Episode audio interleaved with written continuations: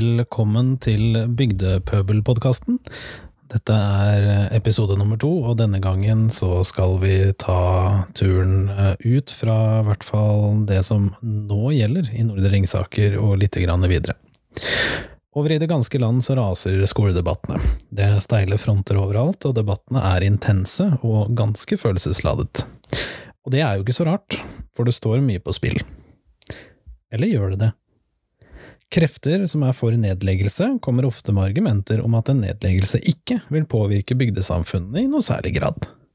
På den andre siden så snakker folk om å bli tvunget til å flytte, at fritidsaktiviteter og idrettslag forsvinner, samt en forgubbing av bygda. I denne episoden skal vi prøve å se litt nærmere på hva det er som skjer med et samfunn når skolen forsvinner. Vi skal snakke med noen som har følt dette på kroppen og i nærmiljøet. Vi skal også snakke med en person som er aktiv i den nåværende skolekampen, han var med på å organisere en voldsom vekst i medlemstallet til Arbeiderpartiet i et forsøk på å endre politikken innenfra.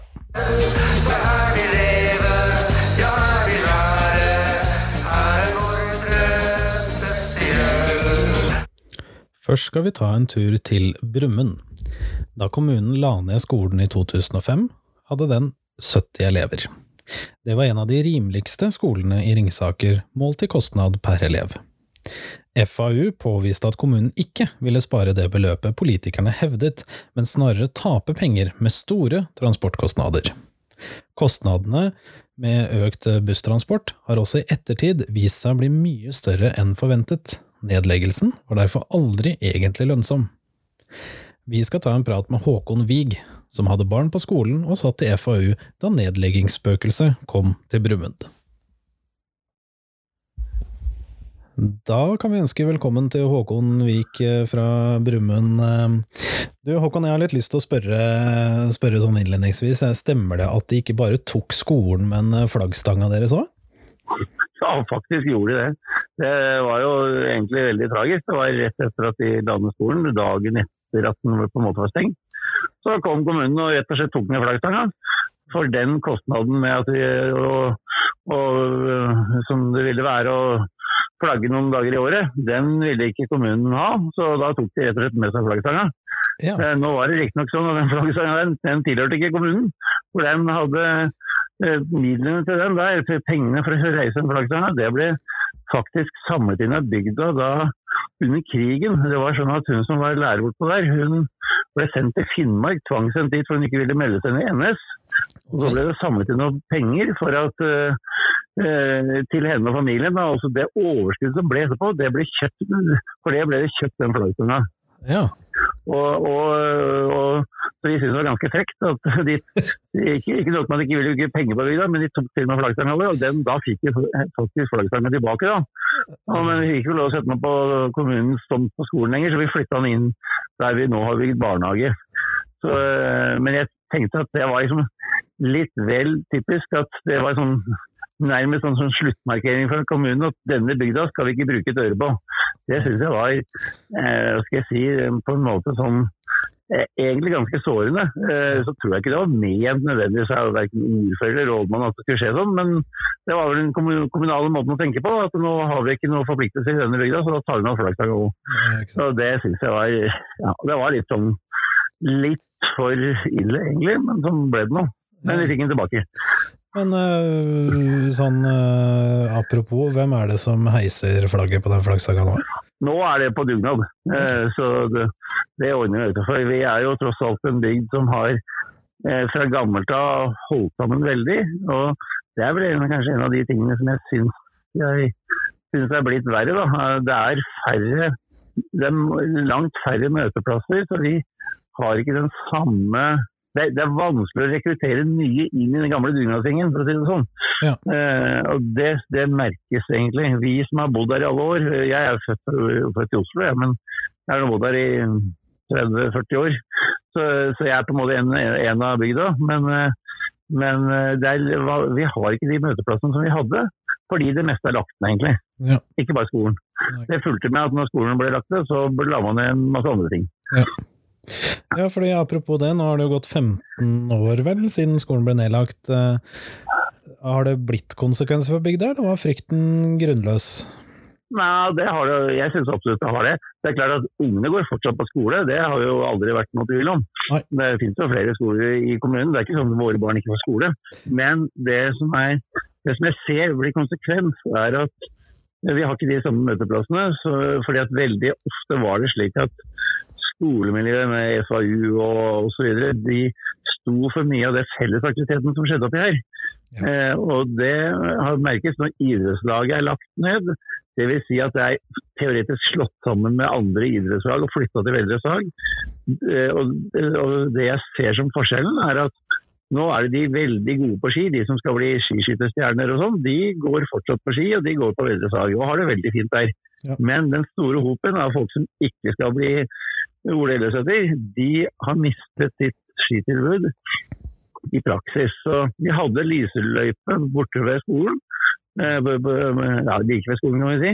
Den lysløypa er stengt, og det er ikke noe aktivitet lenger der. Der var det aktivitet hver onsdag som alle på skolen var med på, enten du var god på ski eller dårlig på ski.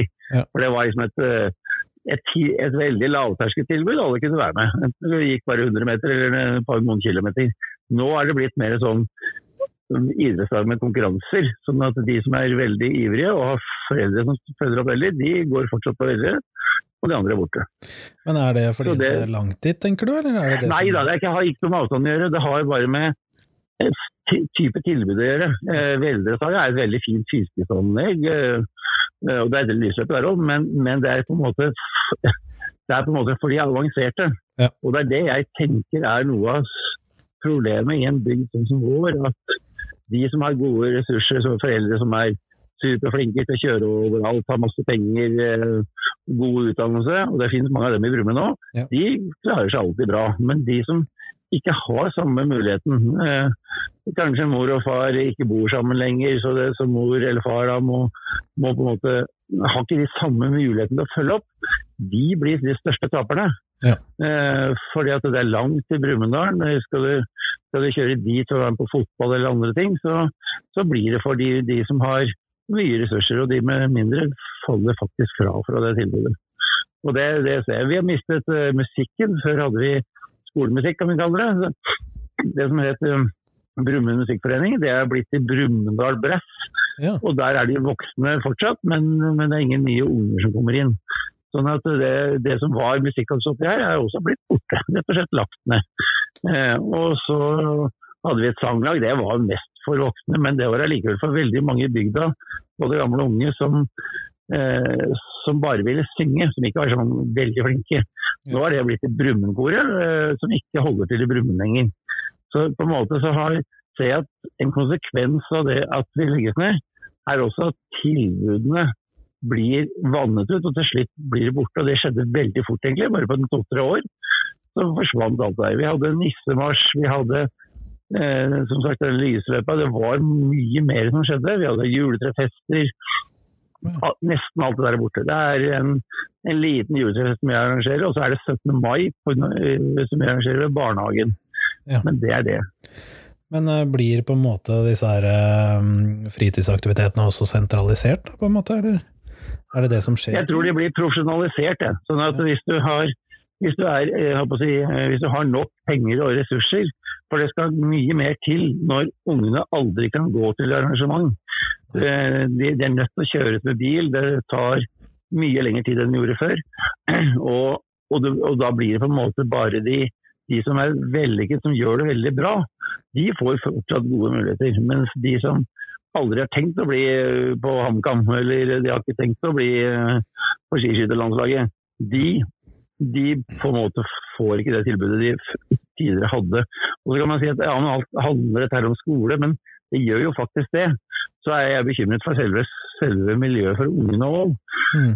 Og det har litt sammenheng med selve skoletilbudet. For det som jeg opplevde, da, var at mine unger de var på SFO helt til og med ut sjette klasse. For det er sånn som vi bor til da, oppe i Brumund, så når skolen er slutt, så tar du skolebussen hjem. Og da har du ikke noen kamerater å gå til, for de bor for langt unna.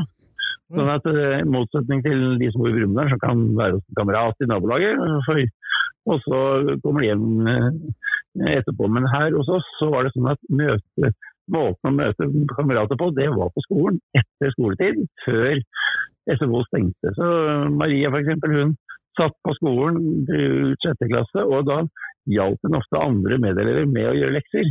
Og det lærte hun mye av sjøl òg. Og de hadde et godt ønske på tvers av flere, på alle, alle trinnene egentlig. Ja, ja. For skolen var såpass liten, vi hadde kanskje rundt 80-100 elever. Ja. Og da, da kunne de altså rett og slett få- venner på kryss og tvers av klassetrinn. Og, og, og, og hjalp hverandre. Det miljøet der, det ble borte, vet du. ja Så nå, nå, når de da kom ned på andre skoler, så ble de bare kjørt hjem, og da satt de hjemme. Ja, eh, på, på hver sin tue. Og det gjorde noe med skolesituasjonen. Nå var heldigvis mine unger så store at de Maria var, hun kunne fullføre barneskolen før det ble lagt ned. Knut måtte riktignok flytte til kir- kirkeretten. Ja. Eh, Men eh, det, jeg syns at det tenker man kanskje ikke på når man bor i en by. At, at ungene eh, faktisk bare har skoleplassen å leke på og være sammen med de andre ungene på, i nabolaget på. Og Ellers har man, kan man møtes i gata eller på en eller annen lekeplass eller et eller annet i nærheten av der man bor. Ja, ja. Det finnes ikke hos oss. Nei, ikke sant. Nei, fordi det er jo eh, mange, mange hevder jo i ulike debatter òg at ungene har for få venner å velge mellom på små skoler. Det er jo et sånt argument som går igjen. Det viser seg at det har jo lite dekning i forskninga, da, fordi det er jo Det finnes jo både positive og negative ting med både små og store skoler. Men eh, hva tenker du om det her? Opplevde du at eh, ungene dine fikk flere venner av å gå på en større skole, eller hva? Nei. For at eh, er typisk eh, Knut som da kom på kirkekretsen, så fikk han alle, sikkert en to-tre venner der òg. Men, men problemet er at det er så langt dit. Ja. Sånn at du kan nesten aldri være sammen med noen av de vennene etter skoletid. Eller helger og sånn. Så, så i, i realiteten ble det sånn at antall venner ble langt færre. Så er Knut en utadrettet fyr og overlevde bra, det er ikke det jeg mener. Men jeg tenker at ideen om at han skulle få flere venner, den falt i fisk. Ja. Det ble færre. Og det ble eh, typisk hos oss, da, så var det han og Ingeborg. Det var to stykker. som De kom på kirkehesten, og så kom de andre litt her og der. Så, så de opplevde, fra hans klasse da, så han opplevde vel at det klassemiljøet som kanskje var at det var en 10-15 stykker, da, det endte med to. Han og Ingeborg. Det var den skolen.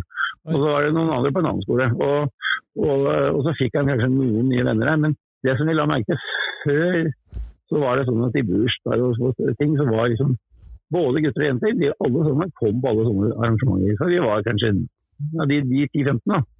Etter at han begynte skole, så ble det bare to-tre stykker. Så Såpass. det ble altså motsatt av hva man kunne tenke seg. Ja.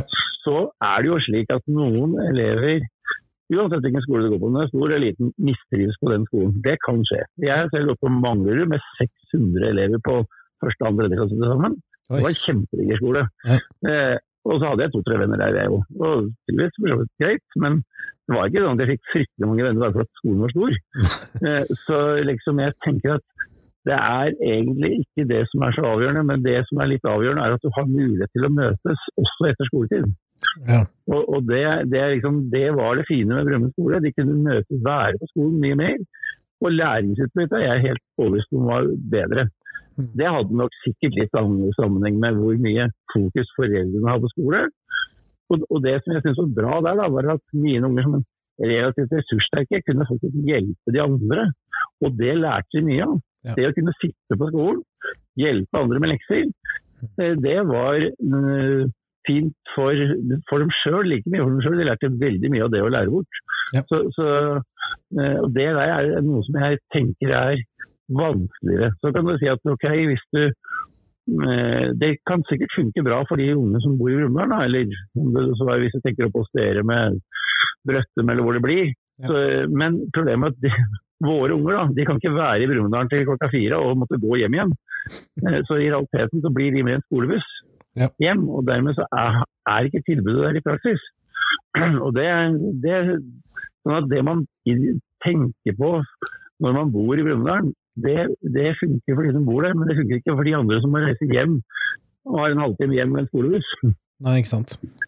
Nei, altså Apropos skolebuss, forresten. Vi, jeg sa det litt i innledningen, men det hørte jo ikke du på. Da, det var jo snakk på at de skulle spare inn masse penger med den nedleggelsen her. Eh, Men så Du satt jo i FAU, og dere klarte jo å synliggjøre, eller dere mente i hvert fall i forkant, at det i realiteten så vil dere ikke spare noe penger fordi at eh, skysstilbudet vil bli så omfattende og så dyrt. Ja, og det skjedde jo for så vidt. De, de bestemte seg for å bare- skal ha én skolebuss.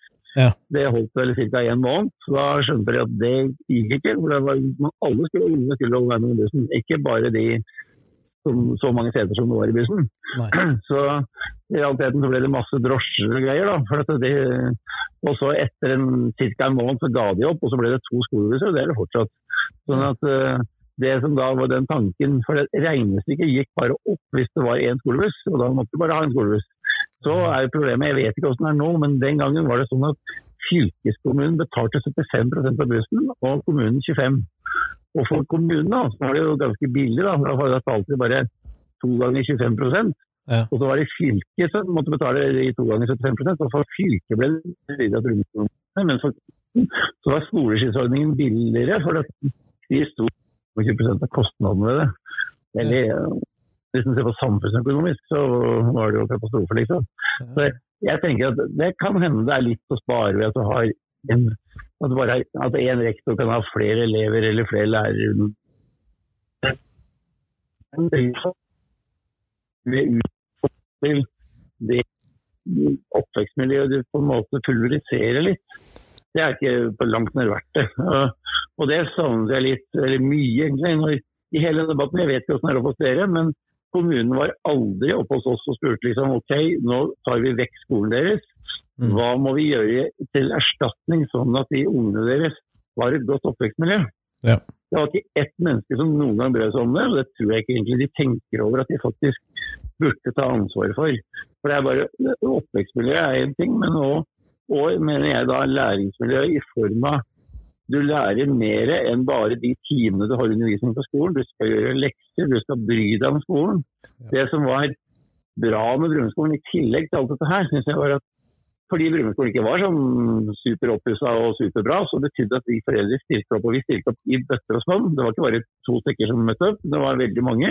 Vi gjorde masse med uteareal. Vi var med på Vi hadde, når vi hadde SFO, var vi veldig ofte der som foreldre og var med og spiste om morgenen og sånn. Så enten det var fattig eller rik, spilte ingen rolle. Nei. Det som var bra med det, var at da brød alle foreldrene var, kanskje alle, men i hvert fall veldig mange, var da mye mer opptatt av skolen, og ungene så at de var opptatt av skolen deres. Ja. Og, det, og dermed så ble skolen i seg selv en viktig ting. Som, eh, som jeg, jeg tror I hvert fall så opplevde jeg at mine unger lærte veldig mye, fordi de, de var interessert i skolen deres. Ja. Og så, vet ikke jeg hvordan det er. Det kan hende at foreldre er en gang i uka og spiser på skolen i Brumunddal nå, men vi fikk i hvert fall ikke noe tilbud når, når våre unger må flytte. Nei. Så kan det hende at jeg er ut bedre nå, eller at jeg har tenkt å gjøre det. Men, men det skjedde i hvert fall ikke for oss. Nei, nei, og det du snakker om der, er jo den der sosiale læringa, ikke minst. da. Det, det, den der fellesskapet Ja, du, klarer, du og det å ta ansvar òg. For jeg la jo merke til det at når vi kom ned på Brumunddal ungdomsskole, så var det plutselig hele FAO. Det ble jo bare Brumunddal FAO. Og alle vi som hadde jobbet sammen med å organisere ting på skolen, vi stilte opp på ungdomsskolen òg. Ja. Men vi var jo bare en bitte liten skole i forhold til resten av alle skolene som på en måte tilhørte ungdomsskolekretsen. Men det var vi som var de ivrige der òg. Så, så jeg lurer på om det er, er litt sånn at når vi bor på bygda som vi gjør, så kjenner vi hverandre. Vi vet ok, vi trenger vi traktor, så er det han vi spør. Trenger vi motorsag, så er det han vi spør. Trenger vi, eh, trenger vi lærer til å ta over undervisning. De, når lærerne våre på Brumunddskolen dro på sånne eh, um, etterutdanningskurs i Oslo, så tok vi over skolen. Vi stilte opp med alle foreldre var lærere. Oi, Enten Jeg er sivilingeniør, jeg tok da fysikk og matematikk og sånn. og Kona mi som faktisk er, var, hun er død nå men hun, hun var da lærer. Så, så hun tok lærebiten og sånn, og sånn gjorde vi bortover. Så vi kunne stille opp litt på, på det. Jeg vet ikke om det er så vanlig å gjøre på Fagerlund og andre, om, alle foreldre stiller opp der, men det gjorde nå vi. Og det tenker jeg at ungene var jo litt kult å få en uh, ingeniør som fysikklærer. Ja, det og litt sånn. Så, så jeg tenker at det, sånne ting kunne vi det, det gjorde vi naturlig. For vi, når det var spørsmål til FAU kan dere ikke stille noen, så bare ringte vi rundt og visste jo hvem vi alle kunne spørre. Ja. Så kunne morsomt Svigerfaren min, som hadde bare folkeskolen, han var jo flink til natur. Han var, elsket naturen og var jeger. Han jobbet ute i fjellet og sånn. Han tok med seg ungene ut på fjellet. Så liksom, det, de, og han, Naboen min som var 80 år den gangen, han hadde jo gård nedpå her og tok med ungene ned for å vise dem fjøsdrift og sånn. Så vi gjorde en del ting på skolen som jeg tviler på at blir fulgt opp når de kommer ned på en stor skole. Men jeg vet ikke. Det kan jo hende at, at de store skolene også kan organiseres og foreldrene stiller opp som lærere, men jeg har ikke hørt om det i hvert fall. Nei, eh, det der, det der, er noe jeg aldri har hørt om heller. Og jeg har jobba på, på mange store skoler i mitt liv. Eh, eh, riktignok bare 37, men det der, det der, er unikt, men det, det, sier jo samtidig litt om det derre Altså, én ting er samholdet og det sosiale, som jeg var inne på i stad, men den derre det engasjementet og den tilknytningen da, man får til en lokal skole kontra en større, kanskje litt mer Altså, jo, jo større noe er, jo Det kan jo bli litt mindre personlig, på en måte? For ja, altså det må være sånn erfaringsmessig så når du har mange ansatte og veldig mange elever og og mange foreldre, så klarer du ikke å være så fleksibel. Du kan ikke forvente at rektor kan uh, kjenne alle foreldre med navn og vet hvem som er traktor og hvem som er ingeniør og hvem som er litt hvem som er datt. Det skal hardt gjøres. Ja, det er godt gjort. Det, det, oppi her så var det jo fryktelig mye enklere, med veldig få lærere. Uh, vi kjente dem alle sammen, og de kjente oss og bygda og sånn. Så det var muligheter for å gjøre ting som, som de store skolene i praksis ikke kan få til. Det er ikke det at de ikke vil, eller noe, men jeg tror ikke de klarer ikke å organisere det på samme måten. For det er, det er ikke så lett, liksom. Nei, nei, det så jeg tenker at det er ikke det at jeg synes at store skoler er stygge og fæle og sånn, men, men når, vi, når, når, vi, var forankret som vi var, da, uh, så gjorde vi mye mer ut av skolebiten. vi enn det som kanskje man er vant til andre steder.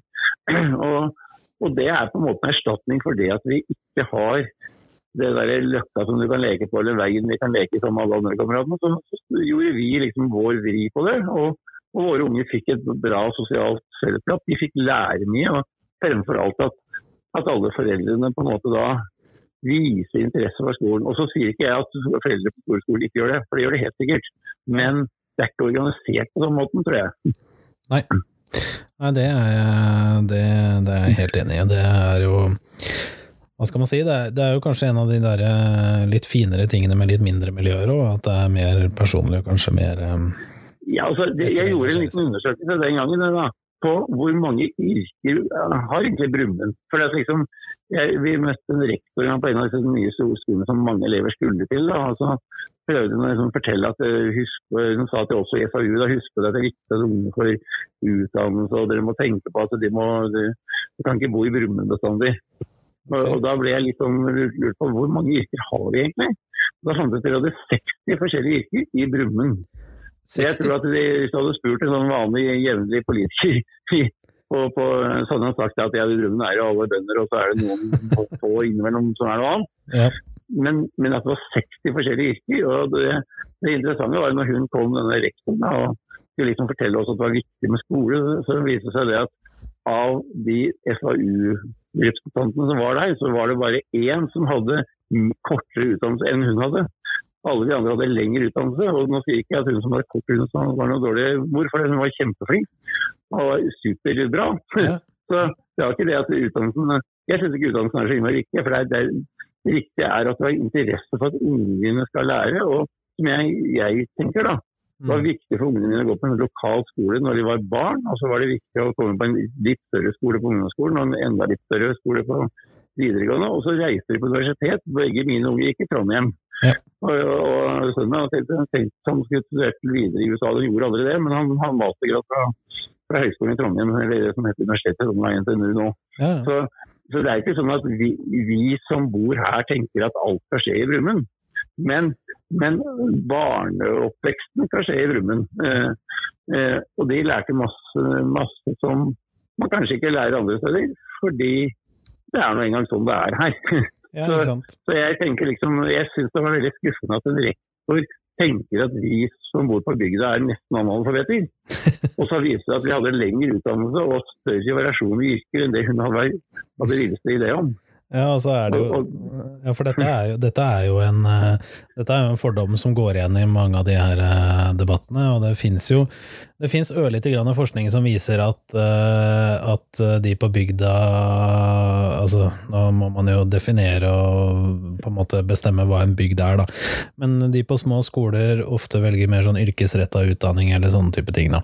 Men det gjelder jo ikke alle små skoler, dette er jo Norge som helhet.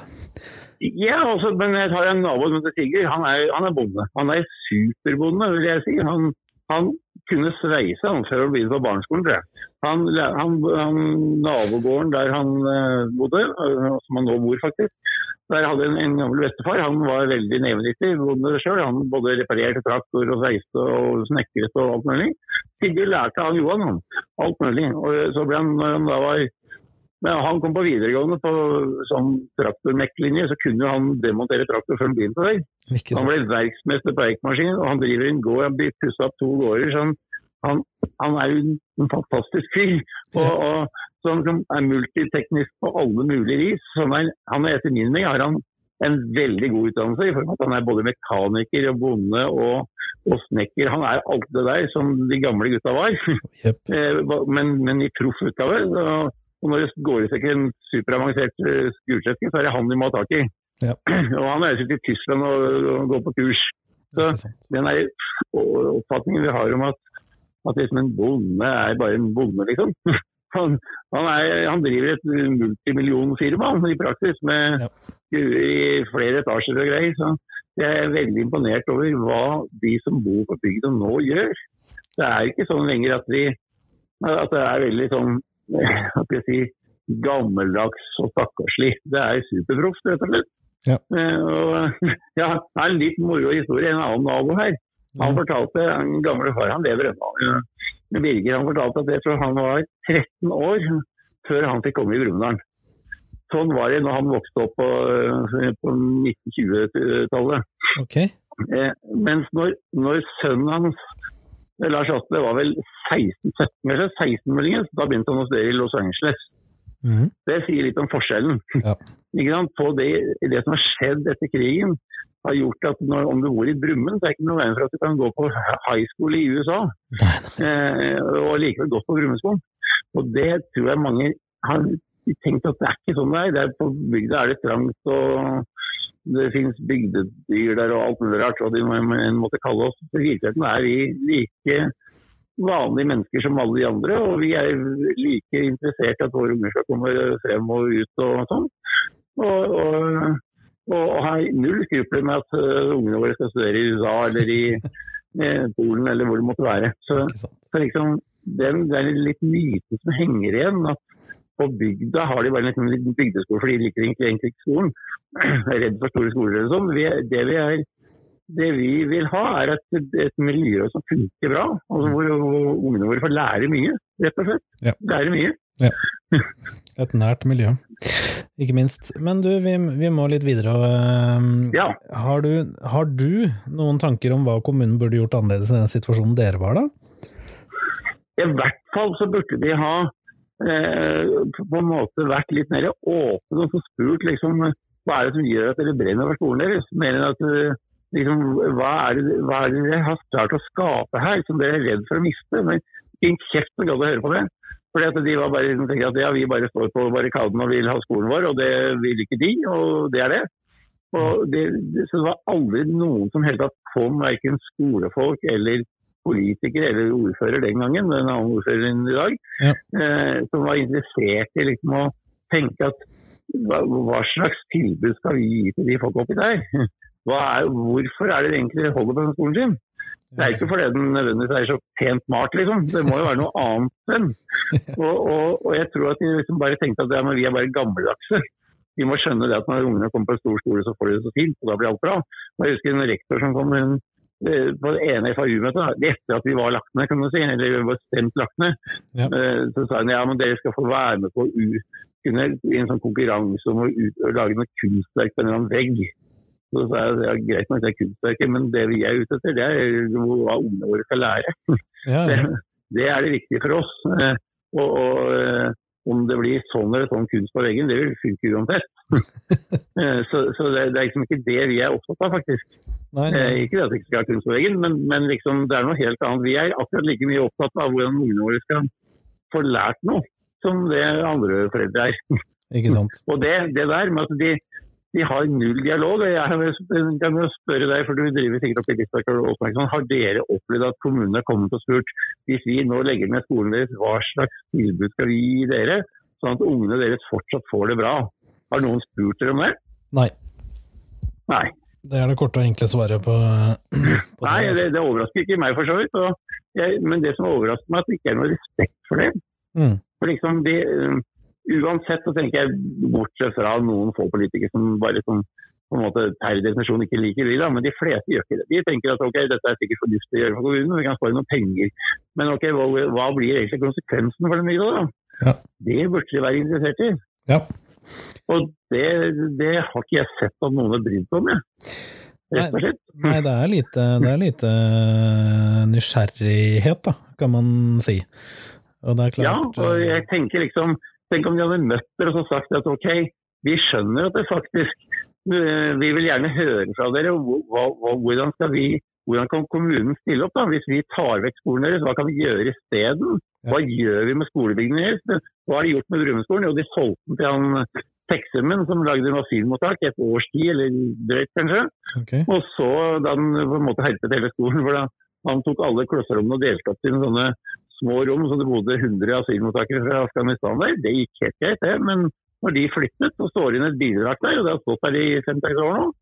Oi. Og det, that's it. Skolen er stengt. Og det er, det er, jeg ser at av og til så er det en eller annen Det er nok noen sånn utleie til noen snekker og sånn. Det var det året etter at, at Filmverket var stengt, så var, bodde det en del håndverkere der. Men de er borte for lengst. Ja. Så det slenger en og annen bil der, men det står et bilvrak litt på plassen. Og det er liksom pynten som, som er igjen i, i, på, på Brumunddskolen. Bygningen blir vel stående til dette er midt i sentrum av Brumund. Og det er litt sånn som jeg tenker med Åsmarka og Lismarka. Sånn, hvis bygningen bare skal stå der og råtne ned, så når det går greit de første fem åra, for da ser den fortsatt grei ut, men, men når den begynner å råtne ned, eller de som kjøper den egentlig ikke har noen plan for den, noen tekster, noen som hadde et plan om, om asylmottak, og så når det da, de, de forsvant, så er det ikke noe med planen mer, så da bare står det der. Ja. Og det blir på en måte en skamplett på bygda, det òg. Ja, det gjør jo Det er litt tragisk. Men Ja. eh, det, var, det var akkurat det jeg hadde sagt. Det kommer til å skje. Det blir en plass for vrakbiler, og det er det det blir. Ja, og det er jo Ja, ikke sant. Og det er jo Det gjør jo ikke at folk får lyst til å flytte dit.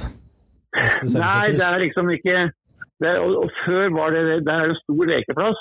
Vi spurte jo kommunen kan vi få lov å bruke lekeplassen. Når vi lagde barnehage, så var det bare nei.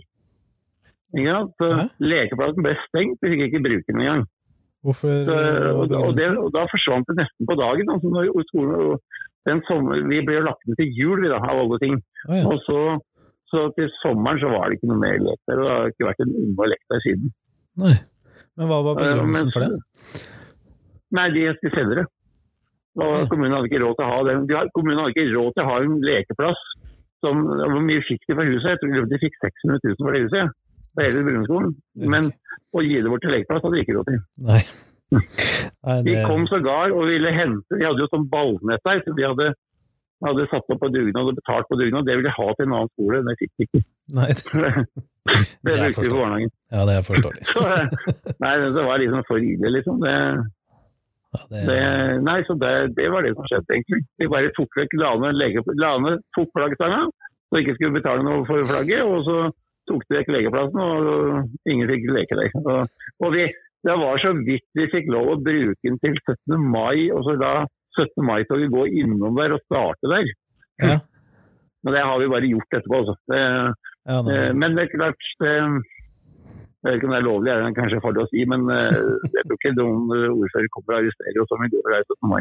Det går nok bra. Nei, jeg tror, eh, jeg tror nok det går bra. Det er vanskelig å bli arrestert på offentlig grunn, eh, kanskje. Ja, ja da. Men jeg synes liksom, det er litt sånn Det bør man tenke på, også kommunen. Hva gjør vi med de bygningene som står, sånn at de ikke blir stående der som et sånt eh, hva skal jeg si, et, et sånn falleferdig med, eh, sak som bare markerer at denne bygda har vi forlatt. Ja, det blir et avansert fugleskremsel, på en måte. Ja, det blir jo det. det, det, det jeg husker når er svigerfar døde, men han svigerfar fortalte at han for, da han var i FAU for veldig lenge siden, som 1967 eller noe sånt, Ja. så malte han eh, taket på eller liksom, Brumunddskolen er sånn fint spir og greier. Maken til lenge i også, hvis noen har vært oppe på Høstbjørhoteller. Det samme arkitekten på Brumunddskolen som Høstbjørn. Ja. Og, det, spir, det er sånn spir med sånn ja, hva skal jeg si, sånn uh, værhane, vet du. Ja. Svigerfar han malte det på dugnad. Værhane oppå der. Såpass, ja. Så, så i gamle dager ble altså skolen malt på dugnad. ja. Og vi selv, jeg har jo vært med å male i kjelleren der, jeg. Eh, Så vi gjorde masse sånn maling innvendig i- på grunnskolen. Alt sånt. Jeg vet ikke hvor vanlig det er å få tråd til lenger. Og så kan du si at de nye skolene er så fine så du trenger ikke male dem, men en gang blir de gamle òg. Og slikt. Og da tviler jeg på at det blir gjort på dugnad. Ja, det eh, Jeg har ikke jobba på en skole enda hvor ting males på dugnad, i hvert fall. Men, eh, men slik eh, du ser det, da, hva er det man egentlig sparer på å legge ned nærskolen? da? Jeg, jeg tror at den egentlige sparingen som de tenker seg, er at rådmannen får Rådmannen har jo kommunalsjefen under seg. Kommunalsjefen har et antall rektorer. Ja. Og én kommunalsjef skal kanskje bare ha seks personer eller ti personer under seg. Og da kan de på administrativt høyt nivå ha færre rektorer. Og noe særlig mer tror jeg ikke de sparer.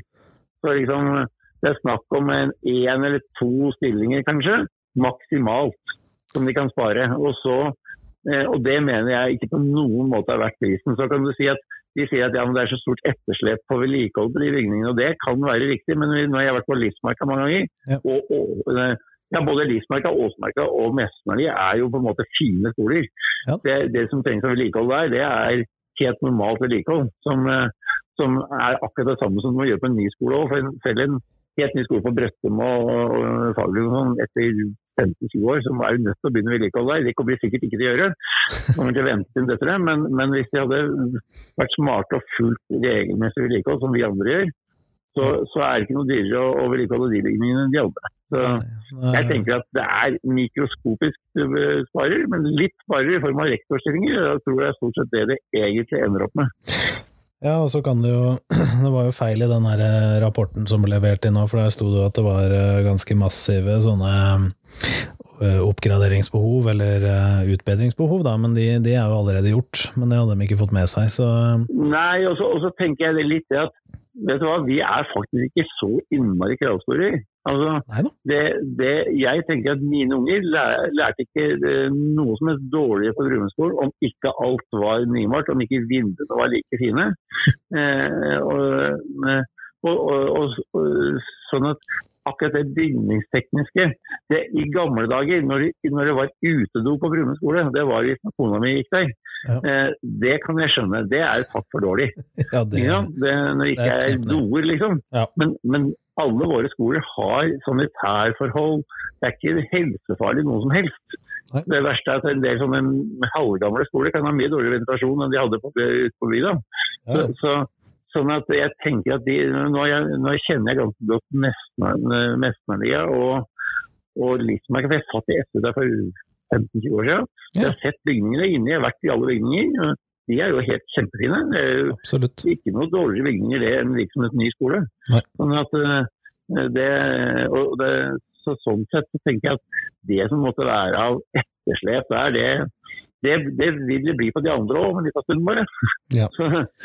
Og så er det jo noe med Det er jo innholdet du fyller disse bygningene med som er det viktige. ja, det er det det er. Men det er klart at det skal være doer der. Det skal ikke gå på utedo. Nei, liksom. nei, nei. nei. Jeg, jeg tror ikke vi har en eneste skole igjen i Ringsaker som har utedo lenger. Liksom. Det er veldig lenge siden vi har hatt. Jeg håper det. Så liksom, det, de, de, der, de vanlige standardtingene som vi vil ha, de er veldig godt ivaretatt. Og det er nok plass. Lærerne har god nok plass til For det er også et problem noen steder. Vi skjedde på ungdomsskolen når jeg kom dit, der hadde ikke lærerne noe plass å være. Oh, ja. Men, men på Livsmarka og Åsmarka og sånne skolene så har du faktisk plass. Ja. Så det er ikke det at det ikke For det må man ha. Men hvis, hvis det er så dårlig og lite at det er trangt, liksom, da er det jo vanskelig. Men det er faktisk ikke det.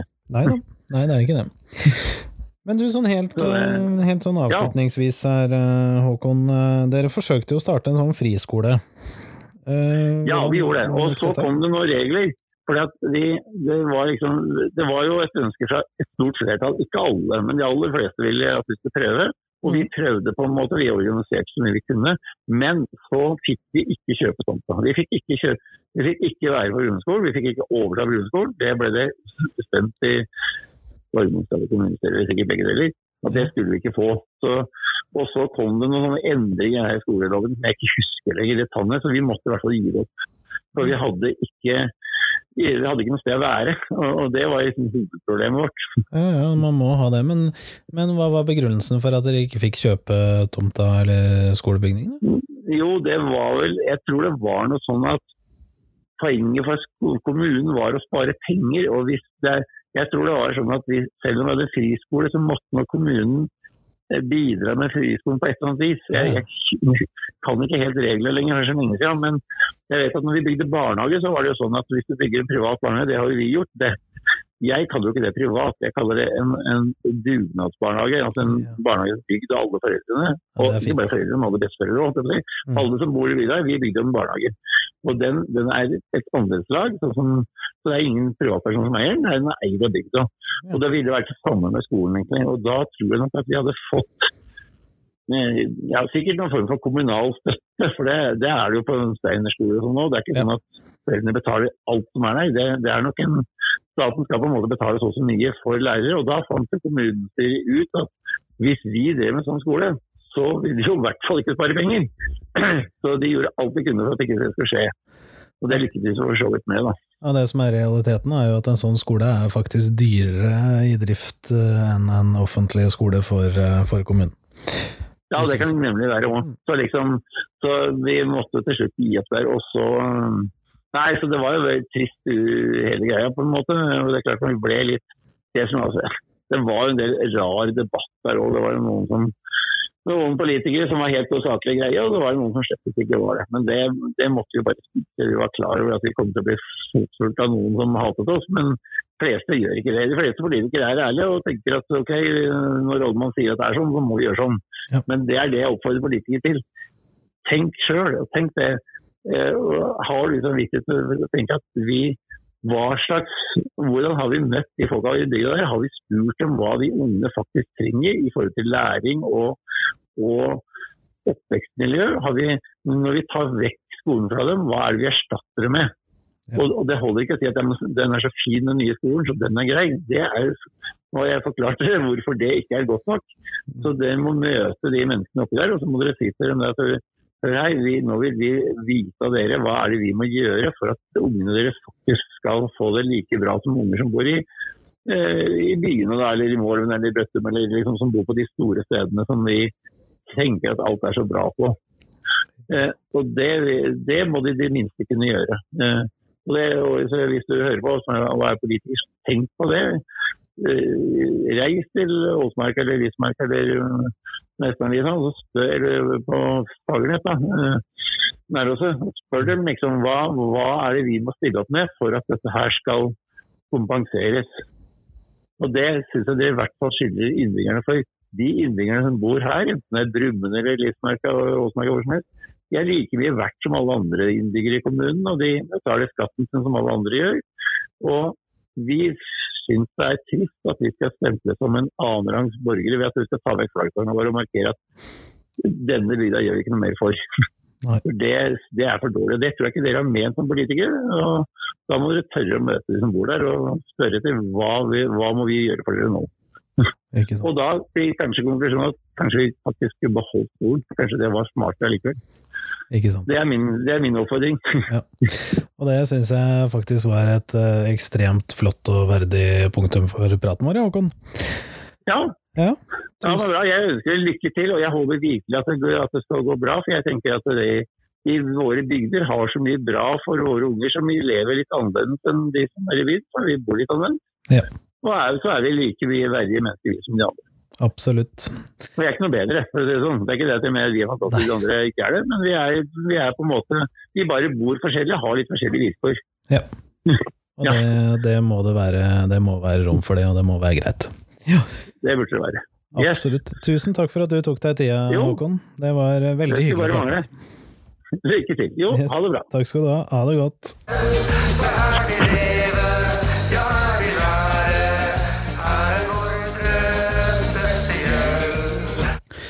I vårt uh, neste segment så skal vi uh, tilbake igjen til uh, Nordre Ring-saker. Og da er spørsmålet er det demokratisk å melde seg inn i et parti i et forsøk på å endre partiets standpunkt. De aller fleste vil nok si seg enig i at det er selve kjernen i et demokrati. Noen mener det motsatte. Vi skal ta en prat med Roar Myhren, som har vært, ja, en slags pådriver i dette tiltaket. Er du her, Roar? Ja da, det er jeg. Du, Vi kunne denne uken lese i avisa om at det rant inn, uh, i den grad det renner inn folk, 50 eh, nye medlemmer i Arbeiderpartiet, fra da spesielt Åsmarka i Ringsaker. Kan du fortelle litt om bakgrunnen for det? Jo, altså, for å være helt ærlig, så har jo jeg hele tida sagt at uh, hvis du skal kunne klare å påvirke, så må du være medlem av et uh, parti.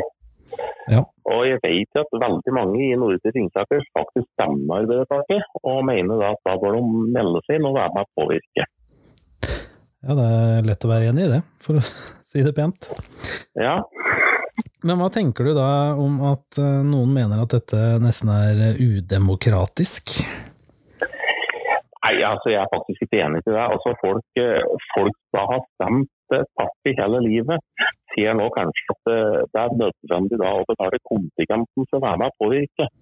Ja. De har jo gjennom stemmeseddelen i mange år prøvd å få et uh, få Arbeiderpartistyre, og klart det, men de ser det nå at det er viktig å faktisk være medlem for å påvirke mer direkte hvordan politikken blir utformet.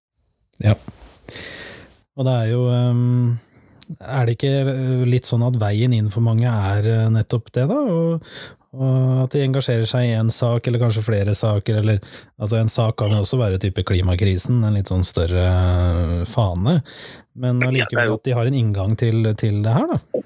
Ja, det er jo helt klart at det er enkeltsaker som kan avgjøre at folk faktisk viser engasjement, og da kanskje velger å skjønne at det er viktig å engasjere seg, og, og bli stående til det. Ja. Jeg må jo bare få si at vi faktisk har fått støttemedlemmer etter at jeg har fått avisa, for at folk skjønner at det er, viktig å være medlem hvis man skal være med å påvirke. Ja, det er ikke verst. Nei. Nei, Det er bra. Men du, ja. sist, eh, sist, medlemsmøte i Arbeiderpartiet ble jo begrensa til 49 eh, deltakere pga. pandemien. Ja. Eh, da ble det jo vedtatt å beholde én skole. Ja. Nå har jo dere samla inn over 70 underskrifter for å kreve et nytt møte. Tror du partiet vil ha gehør for så mange medlemmer, eller? Ja, jeg håper at de forstår at det er viktig å høre på folk med velferd. Og at de skjønner at det er en del av demokratiet å høre på folk som, som er i bygdene her. Altså, jo, altså, alle partier har jo bedt om at folk skal engasjere seg. Ja. Og da håper jeg virkelig at de skjønner at da folk engasjerer seg, så må de ta det på alvor. Og så må de lytte til folket, og så kanskje da holde et medlemsmøte. Ja. Slik at, de, så at folk blir hørt. Det er veldig viktig hvis du vil ha, ha, at, ha at folk skal, skal, engasjere seg, så må du ta det på alvor. Og så må du faktisk, eh, faktisk vise det overfor medlemmene at det gjør vi. Helt... Og det gjør, det gjør du med å ta et medlemsmøte, spør du meg. da. Ja. ja.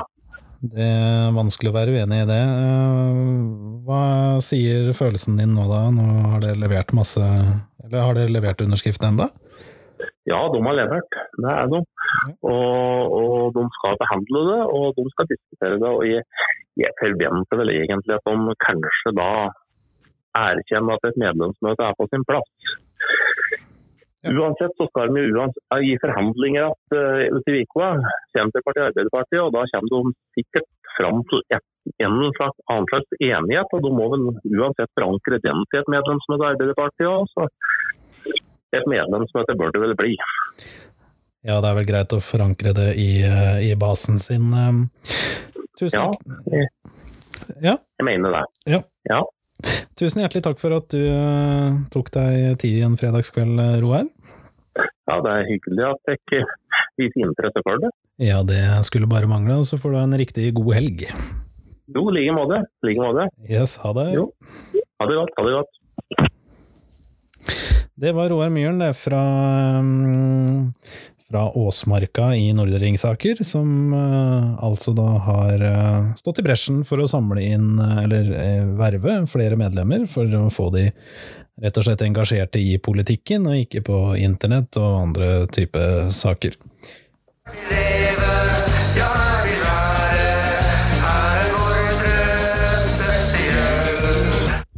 Du har hørt en episode av Bygdepøbelpodden. Programleder var Kim Mariussen, produsenter var Camilla Storlien og Anja Brattberg. Vignettlåta Nordre Spesiell er skrevet av NKL. Følg oss på Facebook og Instagram, og abonner der du lytter til podkast. Vi kan også nå oss på e-post bygdepobel at gmail.com. Vi fortsetter å undersøke hva som skjer når lokalsamfunn blir sentralisert vekk.